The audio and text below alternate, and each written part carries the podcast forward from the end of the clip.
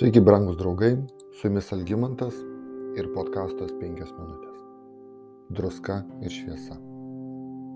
Druskos ir šviesos metaforas Jėzus pateikė apibendrindamas anksčiau išsakytus palaiminimo nurodymus arba įsakymus. Jomis užbaigiama pirmoji kalno pamokslo dalis, dalis kurioje Jėzus kalba apie savo sėkėjus. Jūs esate žemės druska. Jei druska netenka surumo, kogi ją reikėtų pasūdyti. Ji niekam netinka ir belieka išberti žmonėms sumindžioti. Jūs esate pasaulio šviesa. Neįmanoma nuslėpti miesto pastatyto ant kalno. Ir niekas uždegęs žibur neužvožė jo indų, bet stato žibintuvą, kad šviestų visiems, kas yra namuose. Taip te šviečia ir jūsų šviesa žmonių akivaizdoje, kad jie matytų jūsų gerus darbus ir šlovintų jūsų tėvą, kuris danguje.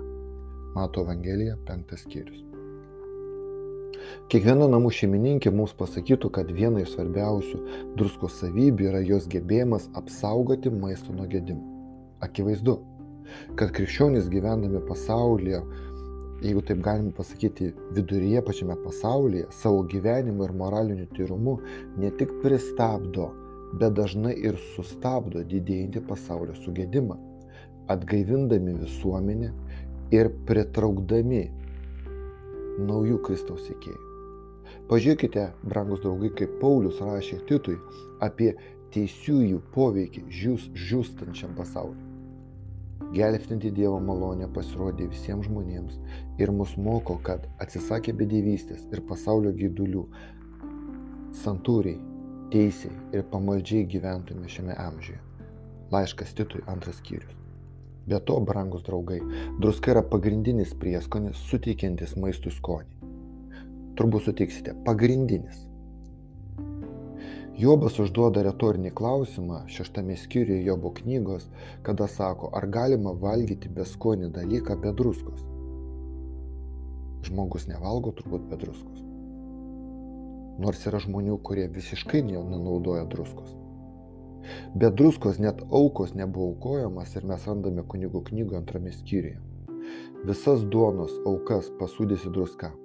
Tavo Dievo sandros druskos neturi pritrūkti duonos aukose.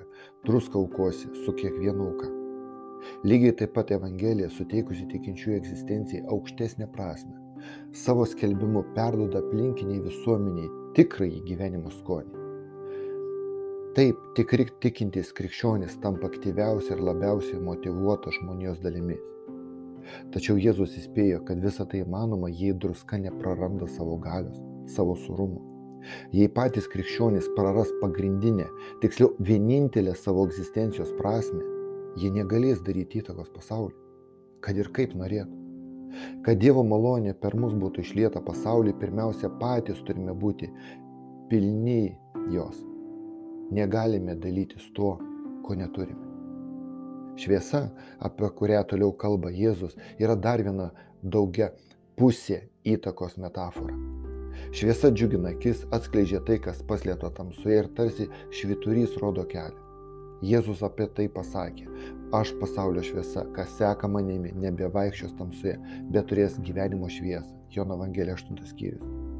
Ir kai jis sako, kad tikintieji yra pasaulio šviesa, tai tik todėl, kad jie patys yra šviesoje ir pradeda pastebimai išsiskirti visuomenėje. Nesusitapatina visuomenė, neišnyksta, bet išsiskiria visuomenė. Juk artistas scenoje aiškiai matomas ne todėl, kad skleidžia šviesą, bet todėl, kad jis yra šviesoje. Toliau Jėzus sako, kad ši šviesa yra tikinčiojo gerų darbų padarinys. Tad tegul jūsų šviesa šviečia žmonių akivaizdoje, kad jie matytų jūsų gerų darbus ir šlovintų jūsų tėvą danguje. Iš tikrųjų, brangus draugai, tai yra natūralus dėsnis. Žmonės labiau traukia gerumas, parodytais darbais, nei teoriškai pasakyti dalykai, kad ir kaip tai skambėtų. Ir pats Jėzus tarnavo žmonėms vadovaudamasis šio principu. Visas jo gyvenimas prabėgo tarnaujant kitiems. Taip jis kelbė taip pat jis ir tarnavo. Juk dėl jo gerų darbų žmonės buvo taip jam palankus, kad šlovina Dievą ir tapo jo sėkėjais.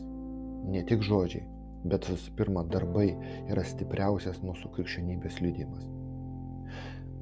Pranciškus Asižėtis gyvenęs 12 amžiaus pabaigoje, 13 amžiaus pradžioje kartą pasakė taip. Visada ir visur skelbk Evangeliją, o jei reikia, pasitelk žodžius.